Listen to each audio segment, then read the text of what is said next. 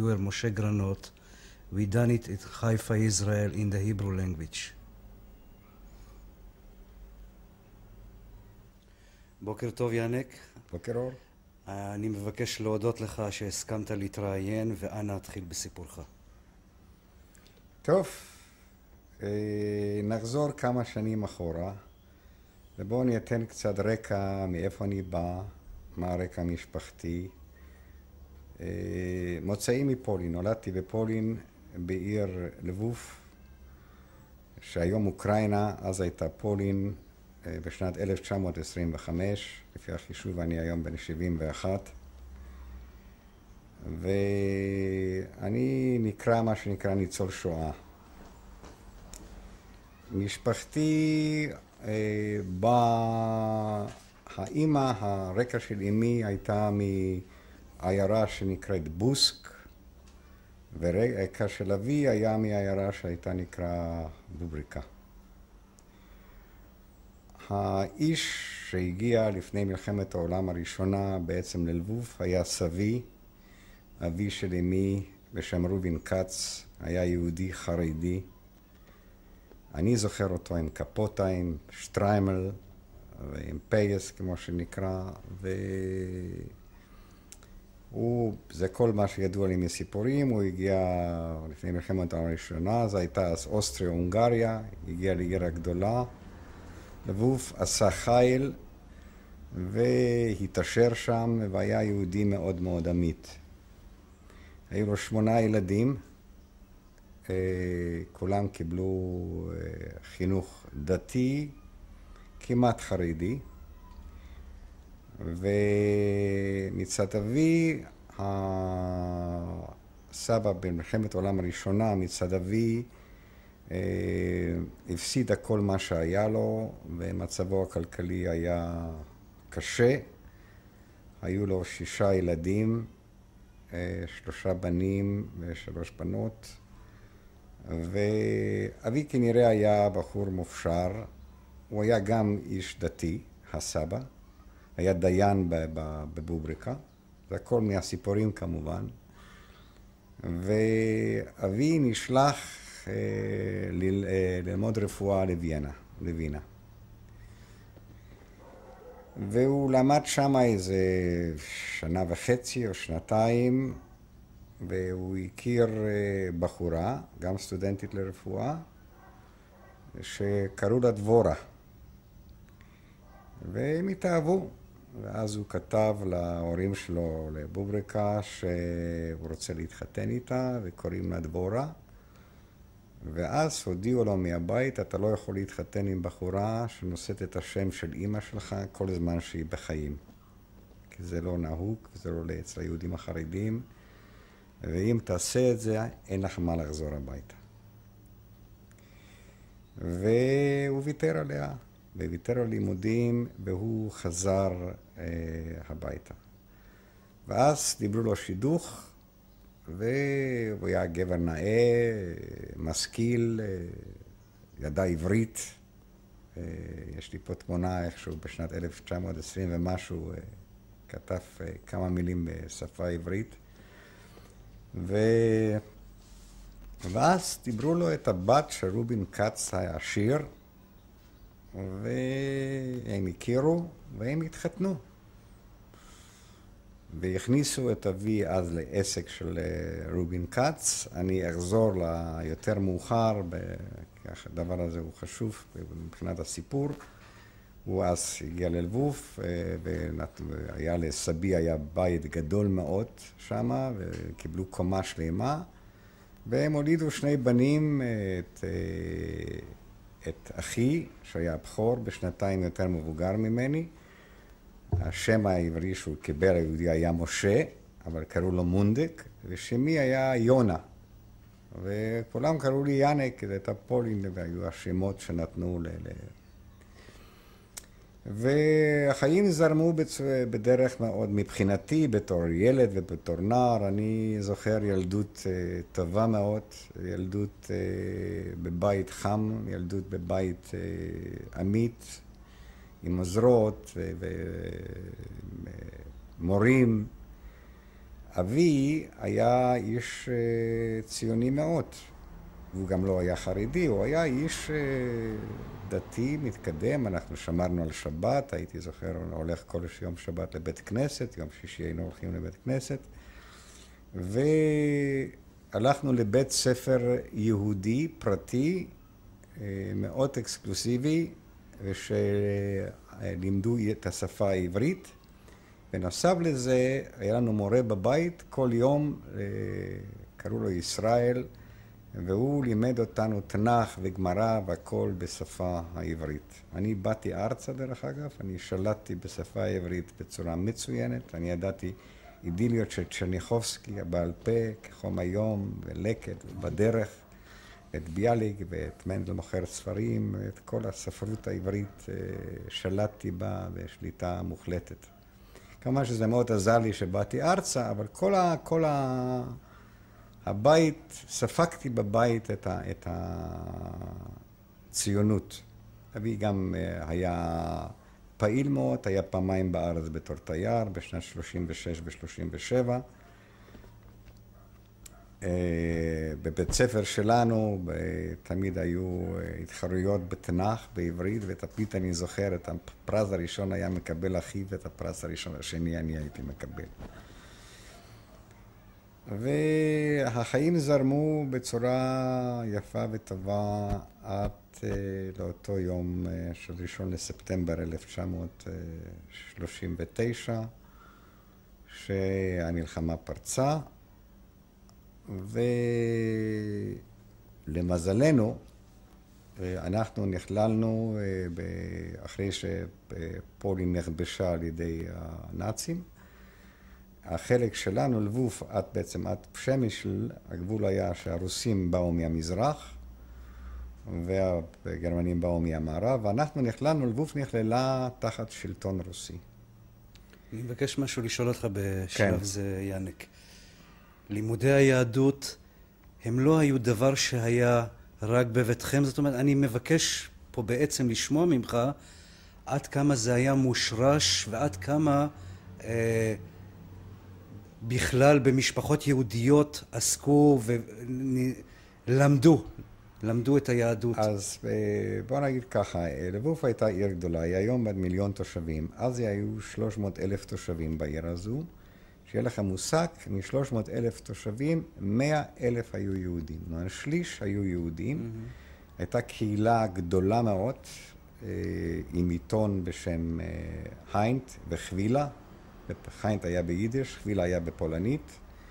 היו איזה שלושה ארבעה בתי ספר, היה תרבות, לא בית ספר כמו שאני הלכתי, כי זו הייתה גם גימנזיה עם כל הזכויות ללכת לאחרי זה לבית ספר גבוה.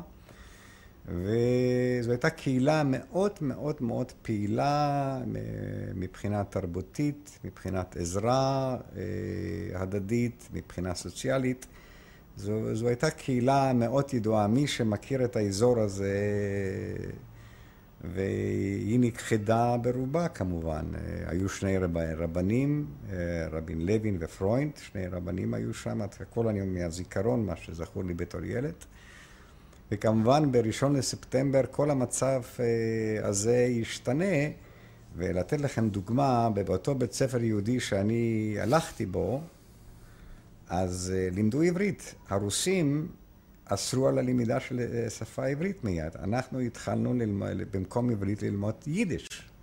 ואני זוכר שהיה היה באיזה שיר שעד היום ביידיש, מוישה שוויץ, דה פומפה שפריץ, משהו על איזה שריפה בעיירה. וזה אותנו, זה מאוד הצחיק, אנחנו היינו, הילדים שהיו שם, שלמדו, היו ילדים שבאו מבתים משכילים, וזה היה, כולנו ידענו עברית, וכולנו היינו ספוגי ציונות, גם מבית הספר, גם מהבית, ופתאום, ואצלי דווקא היה הקונטרסט הזה, כי הסבא וסבתא משני הצדדים היו חרדים. וההורים כבר היו מאוד ליברליים, מאוד מתקדמים, מסורתיים, אבל לא... והמעבר היה חד מאוד, אבל הקהילה היהודית בלבוב, וזה זכור לי, הייתה קהילה מושרשת, חזקה, מליאת חיים, מליאת פעילות, ו... קשה לי, לי, לי, לי לפעמים, בפרט היום, בגיל שלי, אם אני יושב אחורה ואני חושב לי, איך, איך, איך קהילה כזו של מאה אלף איש נכחדה, כי לא ניצלו כל כך הרבה. אה, אני יכול לקחת בדוגמה את משפחתי, שהיו בטח משני הצדדים כמה מאות איש. אני יודע מארבעה או חמישה ש, ש, שניצלו. אני אמשיך עם הסיפור שלי הלאה. הייתי עוד מבקש... כן, בבקשה, בבקשה. בהמשך לדברים, האופן שבו נחוגו החגים, או שאתה רוצה בהמשך לא, לא, החגים, לא, לא, טוב שאתה שואל. החגים, כפי שאמרתי בהתחלה, ביום שישי בערב ושבת היינו הולכים לבית כנסת. זה היה בית כנסת מתקדם, אנחנו היינו הולכים לטמפל, זה היה טמפל אה, גדול מאוד בלבוב. אה, שם גם אה, היה לי את הבר מצווה לאחי ולי, ו... אבל צמנו ביום כיפור כמובן. כל החגים, הבית היה בית כשר מבחינת אוכל. הייתי משווה את זה היום אם אני מביט לבית ישראלי מסורתי. בוא נגיד כמו הכיפות הסרוגות, מה שנקרא mm-hmm. בערך בעצם ב- ב- בכיוון הזה. זהו. אה, עכשיו, בראשון לספטמבר, כמובן, כל זה התהפך, הרוסים הגיעו, כפי שאמרתי, אצלנו בבתי ספר אה, אסרו את השפה העברית טוטאלית. עכשיו, אנחנו קיבלנו את הפרגרף 11, הדין יצאת, מה שהיה נקרא, היות וכלפי הרוסים היינו קפיטליסטים. הסבא שלי וההורים שלי וכל המשפחה הזו היו קפיטליסטים. היה מה שהיה פרגרף 11, שהיה אסור להישאר בעיר גדולה, והיינו צריכים כביכול לעזוב את העיר הגדולה לפריפריה. ובאיזושהי דרך, אני בדיוק לא זוכר, הייתי נער בן 14 אז, שבכסף או בשוחד אה, ההורים הצליחו לסדר שאנחנו נשארנו בלבוב, הייתה לנו דירה במושגים של היום של אה, בערך שישה חדרים, קומה שלמה, אז שם נכנס קולונר רוסי, ולנו השאירו חדר אחד עם מטבח, ושם גרנו אה, ארבעתנו, אמי עליה שלום, אבי עליו השלום ואחי ואני. זה הראשון ספטמבר 30? 39. 39. אחרי כמובן זה לקח איזה כן, חודש, כן. אז כל כן, הדבר הזה כן. נעשה. כן. אבל אני בתור נער, בן 14, אני לא זוכר, אה, אני מדבר בשביל עבורי, עבור, עבור אבי ואמי, היה קשה, כי הם פתאום, כל הרמת חיים שלהם ירדה, וכל העולם שלהם התהפך. ו... אבל לי בתור נער לא היה, אני לא זוכר את התקופה הזו של, של הכיבוש הרוסי בתור, בצורה, אה, באנגלית אומרים, I don't look in anger, אני לא מביט בזעם אחורה על התקופה הזו. כי הלכנו לבית ספר, לאותו בית ספר, היו לי אותם החברים. אצל הרוסים היה הרבה מאוד תרבות, הרבה מאוד אה, ספורט. וזו הייתה תקופה, בשביל אחי ובשביל בתור ילדים, הייתה תקופה לא רעה. להורים היה קשה, אני מתאר לי. עד ליולי, שעון יולי שפרצה, שהגרמנים במפתיע תקפו את הרוסים, המבצע ברברוסה, מה שנקרא. כמובן, תוך שבוע ימים הגרמנים נכנסו ללבוב. וזה היה המפגש הראשון שלי בעצם עם הגרמנים. ידענו בבית, דיברו על זה שהגרמנים, אה, הנאצים, הנאצים באופן מיוחד, המשטר הוא אנטי-יהודי, הורגים יהודים, מחנות ריכוז, אבל זה היה משהו אה, מאוד ברפל, מאוד מאוד לא ממשי, לא יכולת לנגוע בזה.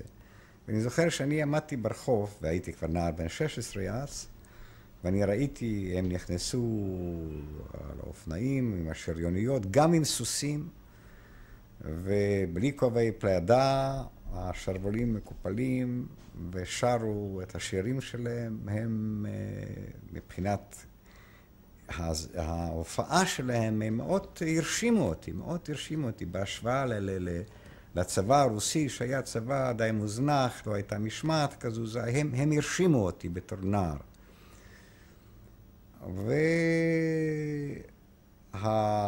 ואת המשמעות של הגרמנים, של הנאצים, הרגשתי 48 שעות אחרי זה. את, סליחה, את המשמעות? המשמעות של הנאצים, את המשמעות, כן. מה שסיפרו עליהם ומה שידענו, ופה בעצם אה, אחרי יומיים הם עשו דבר פשוט מאוד, הם נתנו לאספסוף להשתולל. כפי שאמרתי, האוכלוסייה, היו 300 אלף איש, היא הייתה מחולקת שליש פולנים, שליש אוקראינים, שליש יהודים. כמובן יהודים היו תמיד באמצע, ובגלל זה שנאו אותם, כי גם האוקראינים, אה, אם הם הלכו עם האוקראינים, הפולנים שנאו אותם, אם הם הלכו לפני המלחמה, ואם הלכו עם, ה, עם הפולנים, אז אה, להפך. ובלבוב הייתה, היה בית סוהר שנקרא בריגיטקי, שהיה גם בית סוהר תחת הרוסים, ואז אחרי 48 שעות הגרמנים נתנו יד חופשית, מה שנקרא, לאספסוף.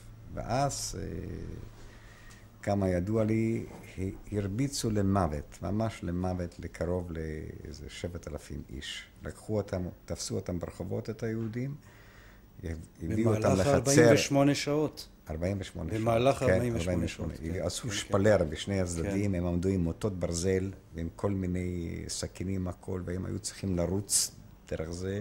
ממש אה, הרביצו למוות.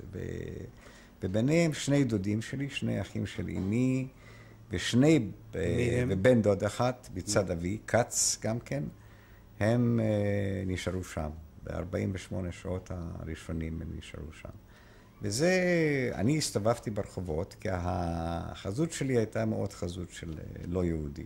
אפשר להגיד על דבר כזה, אבל הייתה לי חזות לא של יהודי.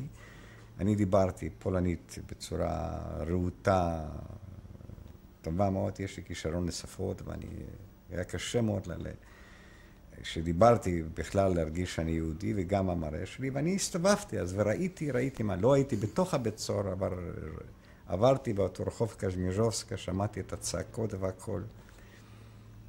ואז חזרתי הביתה וסיפרתי אה, מה שראיתי, והתחלנו להרגיש שפה הולכים לקרות דברים נוראים. אני לא, לא, לא קלטתי את זה כל כך, כי כל הזמן אמרתי לעצמי, ואני היום מנסה לשחזר את הדבר הזה, אה, אמרתי לעצמי, מה, מה, מה הם יכולים לעשות לי בעצם? אני לא יכולתי לקלוט את המושג הזה, שבכלל זה שאני נולדתי יהודים, או ההורים שלי יהודים, אפשר פיזית להשמיד אותנו. ידעתי, קראתי על, על, על, על פוגרומים אה, של פטלורה וחמלניצקי וטורנר, אבל זה היו פוגרומים, זה לקח אה, יממה, לקח יום, שלושה ימים, פוגרום נגמר, אה, הכל חזר לקדמותו. אבל שפה תבוא איזושהי שיטה של השמדה טוטאלית, אני חושב שלא רק אני, אף אחד לא האמין. אף אחד לא יכול היה לתאר לו שדבר הזה אה, יכול לקרות. ופה אולי הנקודה הכי טרגית של העם שלנו, לפי דעתי, אם אני היום מביט אחורה, ש... וזו הייתה גם השיטה הגרמנית, שהם אה, עשו תוכנית, אנחנו קודם כל נחסל את הזקנים, את הילדים, את החולים, אנחנו נשאיר את התקווה לצעירים, לבריאים, שלהם לא יקרה שום דבר. אם הם יעבדו, אם הם יהיו ילדים טובים, להם לא יקרה. אני מבקש משהו לשאול אותך, כן. יאנק. היות ואני ממש חוזר על המילים שאמרת קודם, כשנכנסו הגרמנים זה הרשים אותך. כן, כן. וכאן אני מיד תחזור לסיפור שלך, כן, רק אני מבקש כן. לשאול, האם אתה יכול לזכור, האם מלבד הרושם שהם יצרו, mm. האם, גם זה, האם זה יצר אצלך גם איזשהו פחד, איזשהו בהלה, חשש מהחילופים האלה? יצאו כן. הרוסים, נכנסו הגרמנים, מה עוד אתה יכול להוסיף אה. מלבד הרושם שהם אני, אה, יצרו? כן, אני לא פחדתי. אני לא פחדתי כי הייתי גיבור. אני לא פחדתי כי לא נתתי לעצמי דין וחשבון, קודם כל, מה קורה.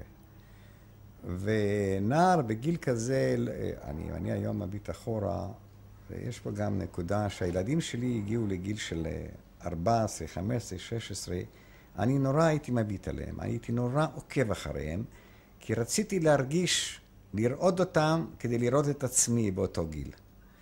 וזה נורא סקרן אותי, כי חיפשתי את עצמי, איך הגבתי בתגובה לשאלתך. אני לא פחדתי כי אני אמרתי, מה זה? אני... אה, איך שאני נראה ואיך שזה, הייתי בחור ספורטאי, בריא, ושלטתי בשפות, והייתי נער יפה. ו...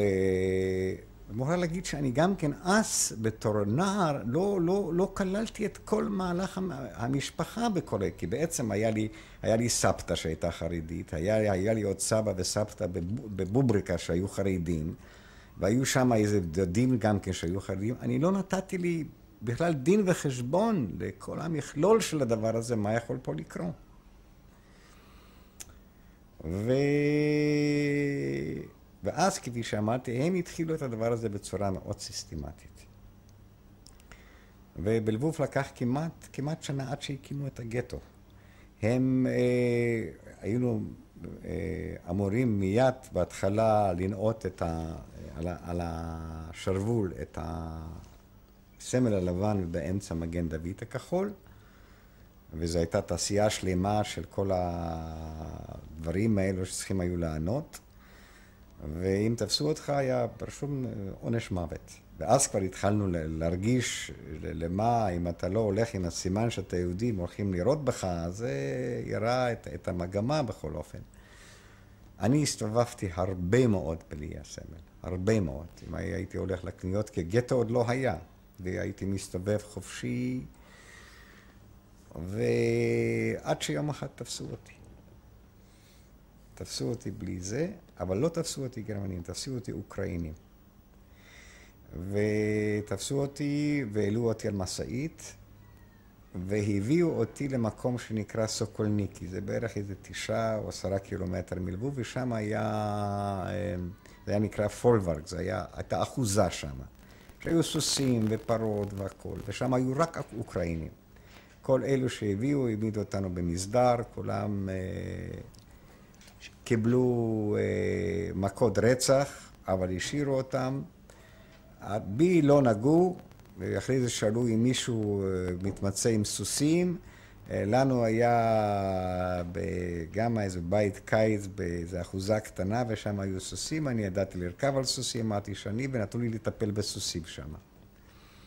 ואני הייתי בסוקולניקי איזושהי תקופה קצרה של איזה שישה שבועות, ושוב פעם בכסף, כנראה, אה, סיפרו לי אחרי זה, יום אחד קרא לי האוקראיני, הקצין שם, ואמר לי, אתה פוקס, בן של אהרון פוקס? כן, אמר, לך הביתה. ואני הלכתי את כל הדרך הזו, הלכתי uh, הביתה, עוד גרנו באותו בית, עוד לא גרנו בתוך הגטו. כמובן אימא שלי מאוד התרגשה וגם אבי, אבל הם כנראה בשוחט אה, הוציאו אותי משם. החיים התחילו להיות, גם מחוץ לגטו, היו מאוד, כי בעצם כל אחד יכול היה לגשת אליך, להרוג אותך, לירות בך, לשחוט אותך, לקחת לך מה שיש לך, הוא לא נענש על כך. והיינו מאוד מודעים לזה. ועד שהקימו את הגטו. הקימו את הגטו, שמו חומה מסביב, בחלק הדרומי, מאחורי הפסי הרכבת, ואז התחילה התהלוכה הגדולה הזו שעומדת לי לפני העיניים, כל אחת עם המזוודה ועם העגלה, והתחילו ללכת והכניסו לה לאזור צפוף, צפוף מאוד. אה, אני קשה לי להגיד, להגיד איזו כמות אנשים, אבל אלפים, אלפים, אלפים. אנחנו, ששוב פעם, אה, לאבי היה כסף, היה לו, היה לו זהב או משהו, כנראה, שוב פעם בשוחט, קיבלנו בקצה הגטו איזה בית קטן, שביקרתי בו, אז אני אחרי זה אגע בנקודה הזו, ושם גרנו, ושם גרה משפחה, גרנו שם איזה 12 משפחות בבית. ובחדר ישנו ארבעה, חמישה איש, שזה היה לוקסוס, לא רגיל. וסגרו את הגטו, ועם שער, ואז אה, התחיל, התחילה הריצה אחרי התעודות. כי התחילה האקציה הראשונה הייתה במרץ, היה ב-42 נדמה לי, או משהו כזה, ואז אה, ירו, ירו ברחובות, ממש, ממש ירו ברחובות. אני זוכר בבית הזה, כשאנחנו גרנו, אז היה, הייתה קומה שם, היה משולש כזה מרועפים, ואנחנו הסתתרנו בתוך המשולש שם, חלק, חלק חפרנו בתוך אדמה, בנו בונקר, ו... מה שזכור עוד, אה, שבבית בין אנשים היה שם אחד שהיה חולה ואי אפשר להעביר אותו.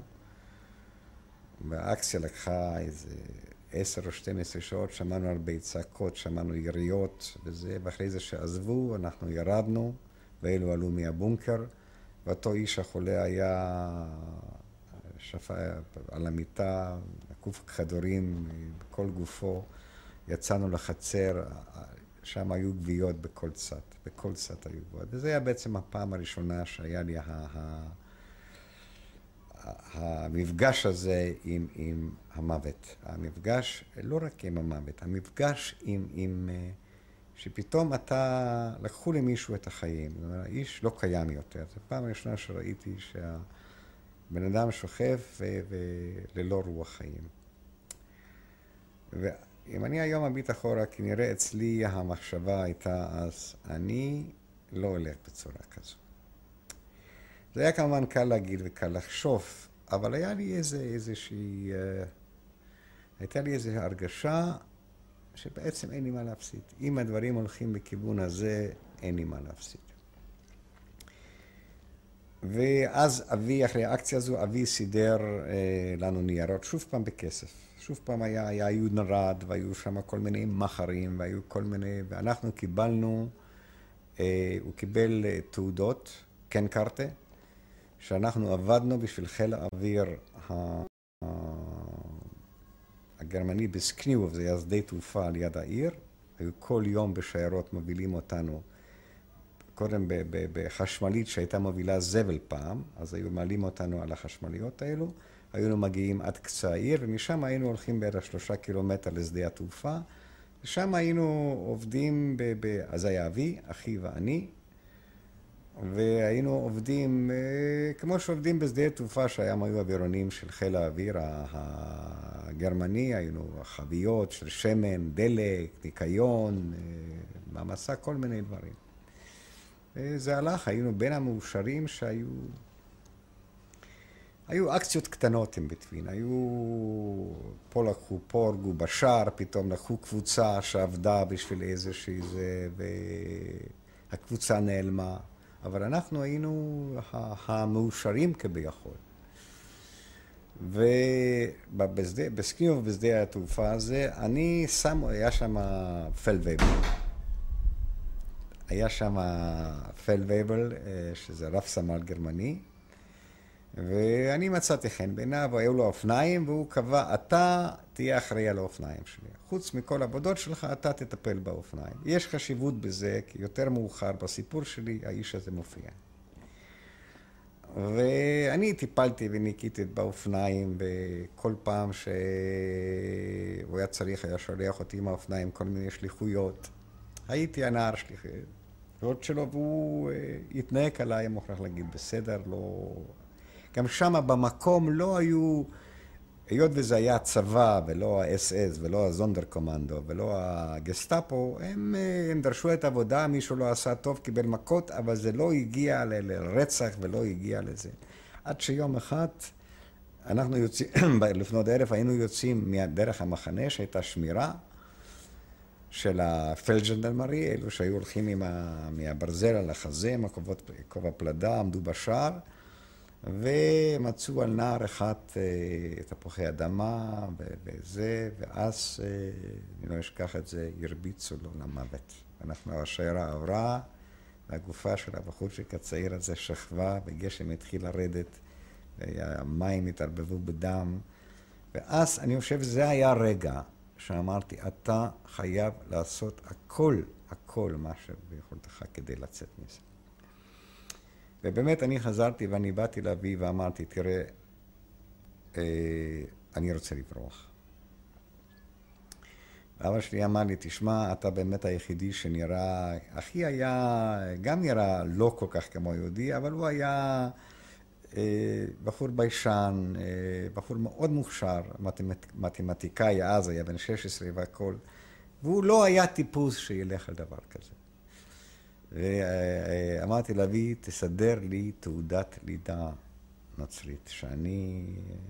ובאמת, הוא סידר לי תעודת לידה אה, נוצרית, אה, שזייפו אותה כמובן, ואז על שם אה, יאן אורליץ', ואני ברומו קתולי, ודרך אגב, אני הגעתי ארצה על סמך דרכון שקיבלתי בסוף הדרך שלי, על סמך אותה תעודת לידה, שבה כתוב שאני נטבלתי, ב...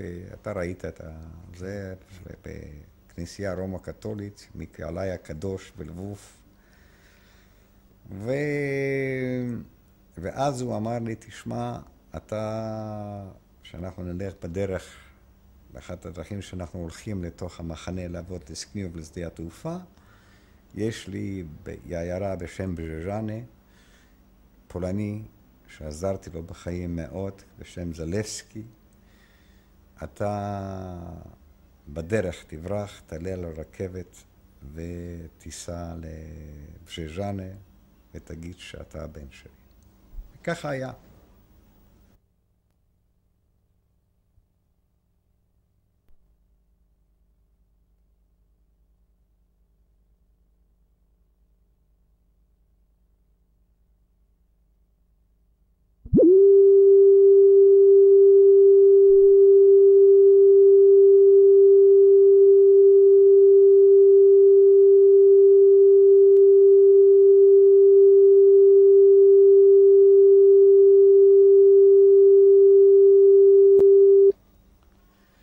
קלטת מספר 2, המרואיין יאנק פוקס. בבקשה, יאנק. ואז כשיצאנו מהמחנה בערב, הלכנו בשורה, זה לא היה כל כך קשה, עזבתי את השורה, היה קצת חושך, ישר היה לי את תעודת לידה, היה לי קצת כסף בכיס, הורדתי את הסמל שהיה לי על השרוול, ישר לתחנת הרכבת, עליתי לבז'ז'אנה, שחיכיתי שם איזה זמן, הגעתי לזלבסקי הזה, אה, היה לו בית בקצה העיירה שם, הוא אה, ראה אותי, וכשאמרתי לו הוא מאוד נבהל, ואז הוא אמר, כנס אה, פנימה, קרא לי אשתו, סיפר לה, היא מאוד נבהלה, כי ידעו שאם תופסים יהודי אצל פולני, הורגים גם את היהודי וגם את הפולני.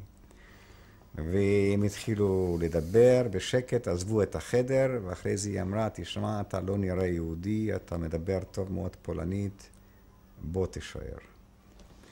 ואני נשארתי שם קרוב לארבע שבועות. הייתי בערבים יוצא, הייתי הולך לטייל, הם סיפרו בסביבה שם שאני איזה קרוב משפחה, שהגעתי מוורשה, והייתי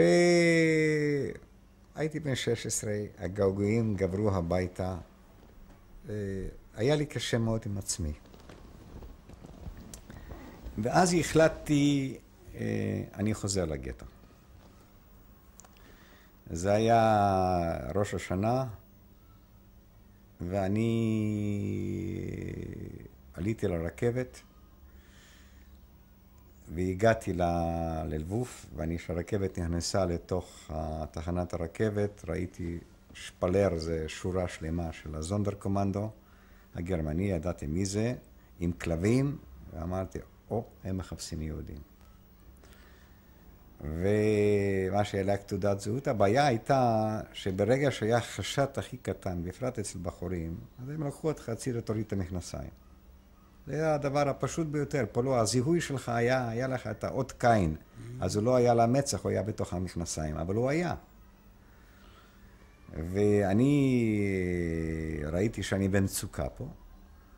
ופתאום אני מביט בפינה, עמד עץ אשוח.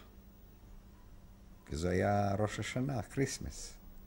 תפסתי את העץ האשוח הזה, ואף אחד לא עמד על ידו. ירדתי מהר מהרכבת כשהיא נעצרה, והלכתי לכיוון היציאה.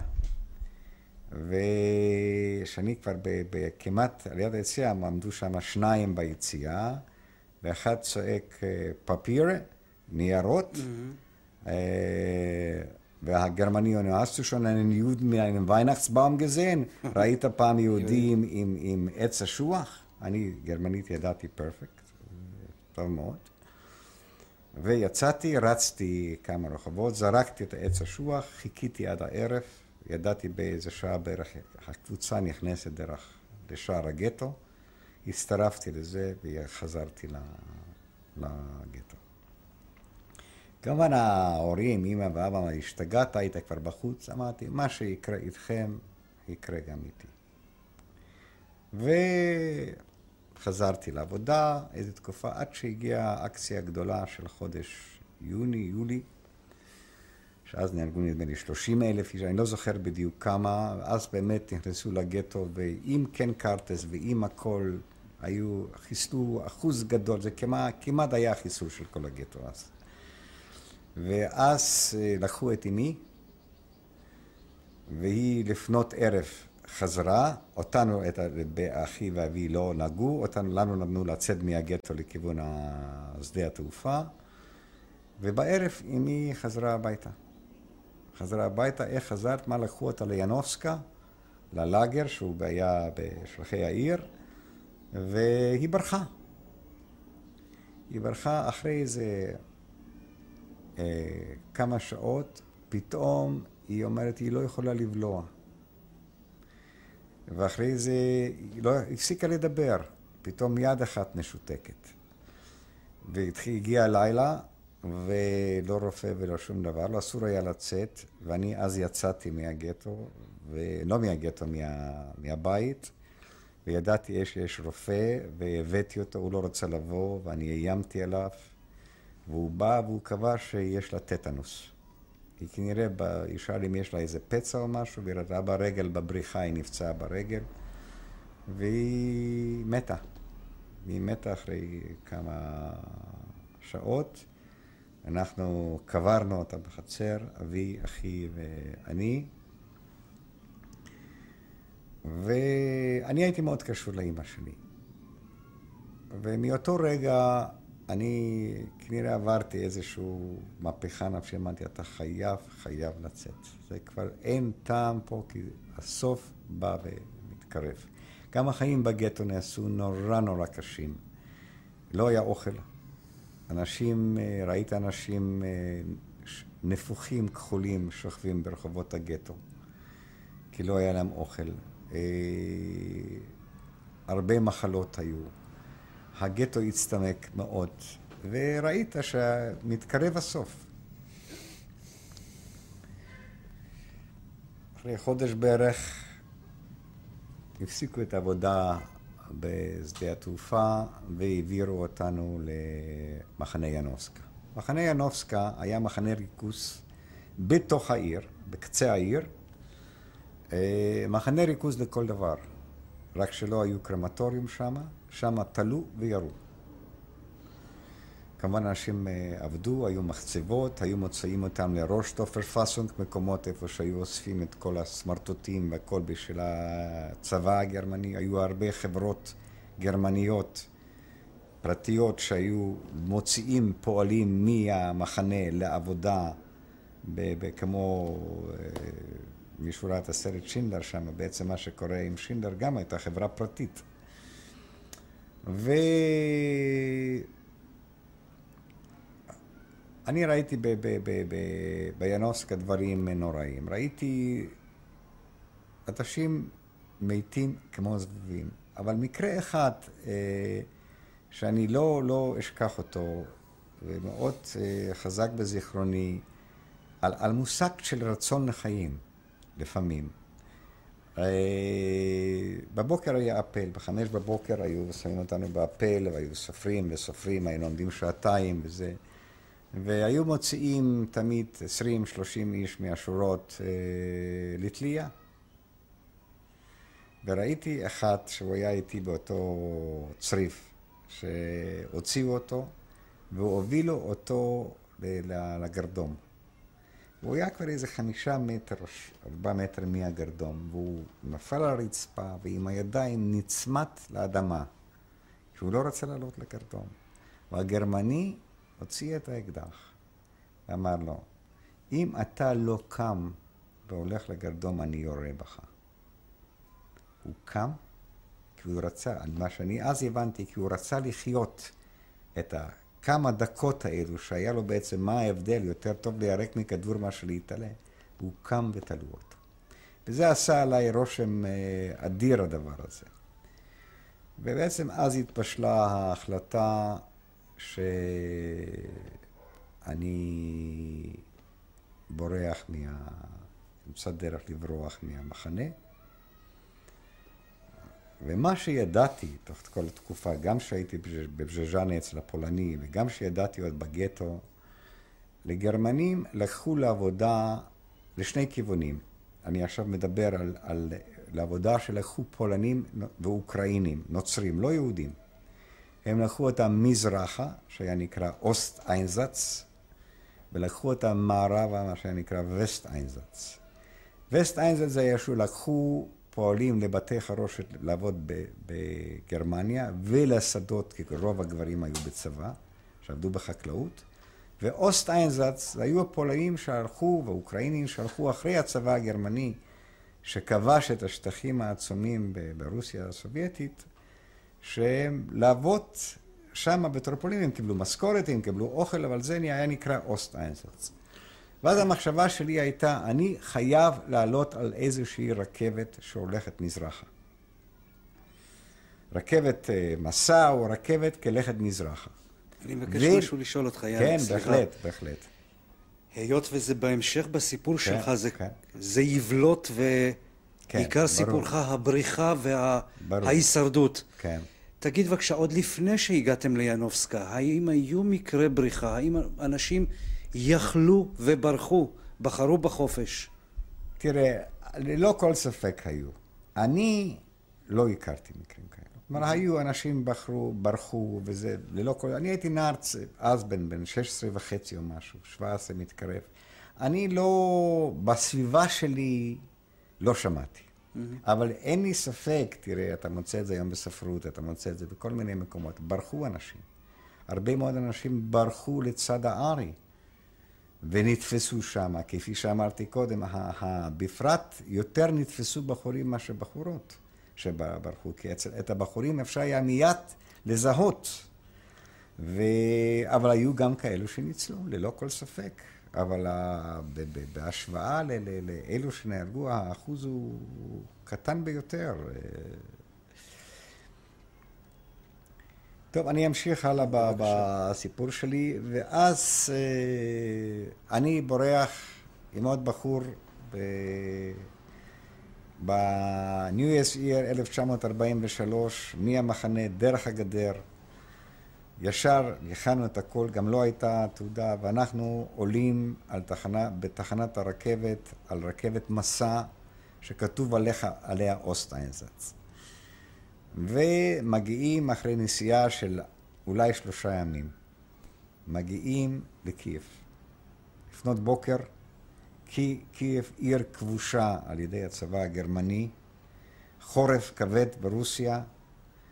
הדבר הראשון שאני יוצא מתחנת הרכבת, אני רואה שבויים רוסיים מובלים על ידי חיילים גרמנים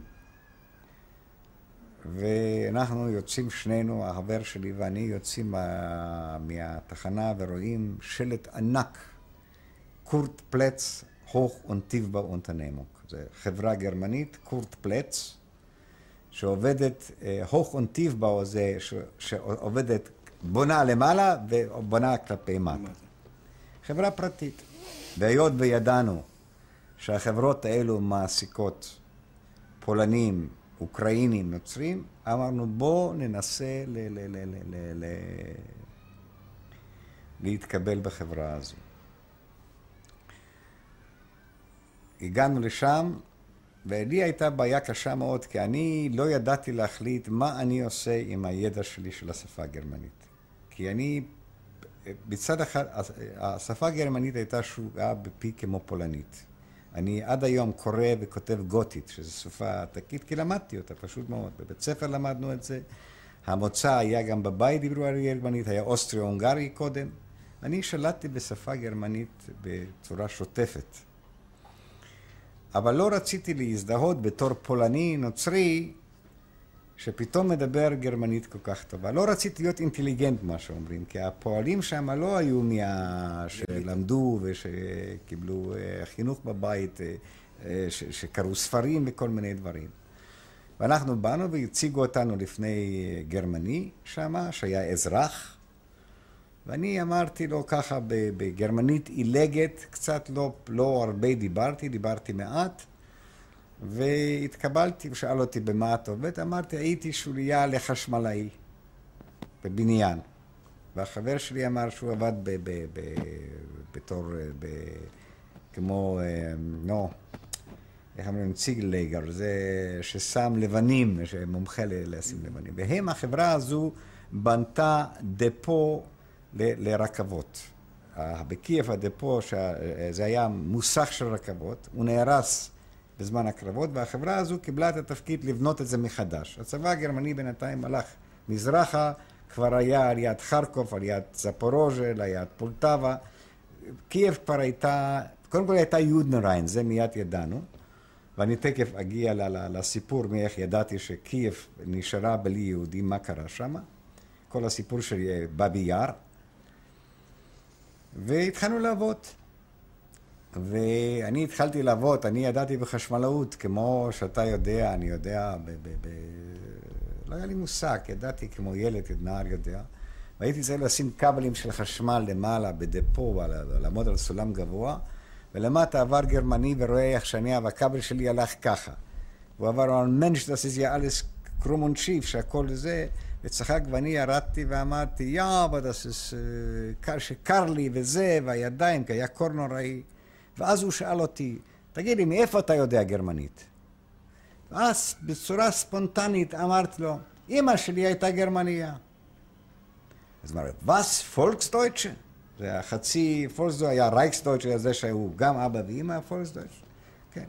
מיד לקח אותי למשרד, והוא דיבר גרמנית, ואני פתחתי בגרמנית. ומאותו רגע החיים שלי השתנו שם. חבר שלי עבר, עבר בתור בנאי, ואמרו, דו, אתה תהיה מתורגמן. אני ידעתי פולנית, אני ידעתי רוסית, הכל פרפקט. ידעתי גרמנית, ובשבילהם זה היה, הם לא יכלו לתקשר. היו להם שבויים רוסים שם שעבדו. היו פועלים שעבדו, והם היו צריכים לתקשר. וכל הסטטוס שלי השתנה בצורה לא רגילה. והייתי אוכל עם הגרמנים ביחד. אותי כולם היו צריכים, גם הפולנים וגם הרוסים וגם הגרמנים. כי כל אחד, מי שרצה אחד מהשני, היה צריך אותי, שאני אהיה השפה עבורו. ו... וככה, תוך השיחות עם הגרמנים, מה שנודע לי, עם הגרמנים, שהגרמנים נכנסו וכבשו את קייב, שם יש אזור גדול מאוד שנקרא קרשצ'טיק. הייתי עם הבן שלי לפני שנתיים שם, בנסיעת שורשים שלי שם. הם, האזור קרישצ'טיק היה האזור הכי מפואר של העיר. לפני שהצבא הרוסי נסוק, הוא שם בובי, בובי טרפס בכל הבניינים האלו. וכי הוא ידע שהגרמנים שיבואו, כל המפקדה והכל יתיישבו, איפה הם יתיישבו? יתיישבו באזור הכי טוב. ובאמת, אחרי איזה כמה שעות שהעיר נרבשה, הכל, הכל התחיל ללכת באוויר. ואז שם נהרגו הרבה מאוד גרמנים, ושם ישנו הדנייפר, הנהר הענק, ואז הם ממש, כל הקרשצ'טיק היה באש, אז הם סחבו צינורות כדי לכבות את זה. הפרטיזנים חתכו את הצינורות, ואחרי שכל העסק נגמר, לקחו בקייב, היו 40 אלף יהודים, לקחו אותם לבאבי יאר, וירו בכולם. זה, אני ידעתי כבר בשנת 1943, שמעתי את הסיפור שמה, וזה לא רחוק מהפודול, זה למטה, הייתי גם עם הבן שלי שם, וניגשתי, ראיתי את המקום ב-46, את הגבעה הזו בעצם, שכוסתה, שזה יאר. אני חוזר לסיפור, אני עובד, אני מתורגמן, אה, יום אחד קוראים לי למשרד, ואומרים לי, שואלים אותי, תשמע, בעיר מולדתך, למברג, לבוב, אתה מכיר אה, הרבה בעלי מקצוע או, אה, או משהו, כי היה להם מחסור עצום בבעלי מקצוע.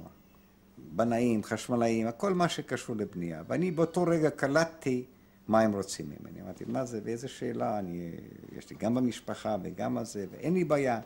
אומר, אתה מוכן לנסוע עם אחד מהאנשים שלנו בחזרה ללבוב ולהביא פועלים. אמרתי, בטח, כי היה לי בראש אבי ואחיות, אולי בחיים. והצמידו לי גרמני בליד אחת, שאיבד את היד על יד סמולינסק, ואני נסעתי כבר עם נייר רסמי. נסעתי עם נייר רסמי שאני נוסע ללבוב להביא פועלים, ואני נסעתי עם הגרמנים הזה, עם הגרמני הזה חזרתי לעיר מולדתי, ללבוב. כמובן, אה, הרגשות היו מאוד, כי אתה חוזר ללא הארי, אתה כבר כמעט בחוץ. ו... הבעיה שלי הייתה איך אני יוצר קשר עם אבי ואחי, ואיך אני מביא עוד אנשים.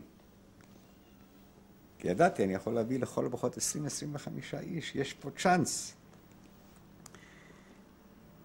ידעתי שמחנה ריכוז הם... הם היו... לא הגבילו אותך? אמרו לך תביא לא, אנשים? לא, אמרו בסביבות 20 איש. Mm-hmm. הוא היה לו, ל, ל, ל, כשאני הגעתי איתו ללבוב, אני לא לנתי איתו ביחד, כי הוא היה רייקסדויטשה. רייקסדויטשה היה ישן בבית מלון רק לגרמנים. Mm-hmm. הוא גם היה משתין בבית מלון רק לגרמנים, mm-hmm. גם בזה. Mm-hmm. גם בתי שימוש היו רק או לנוצרים או ליהודים, אם היו עוד, או לגרמנים, או לפולקסדויטש או לרייקסדויטשה. Mm-hmm. היו, אם היו לך ארבע בתי שימוש באיזשהו מקום היית, ראית. רייסדויטשה, פולקסדויטשה, פול ניודן. כל אחד השתין בבית שימוש אחר. זה מי שהיה שם, טוב, ליהודים לא היה כל כך קרוב אל האחרים, אבל... אה,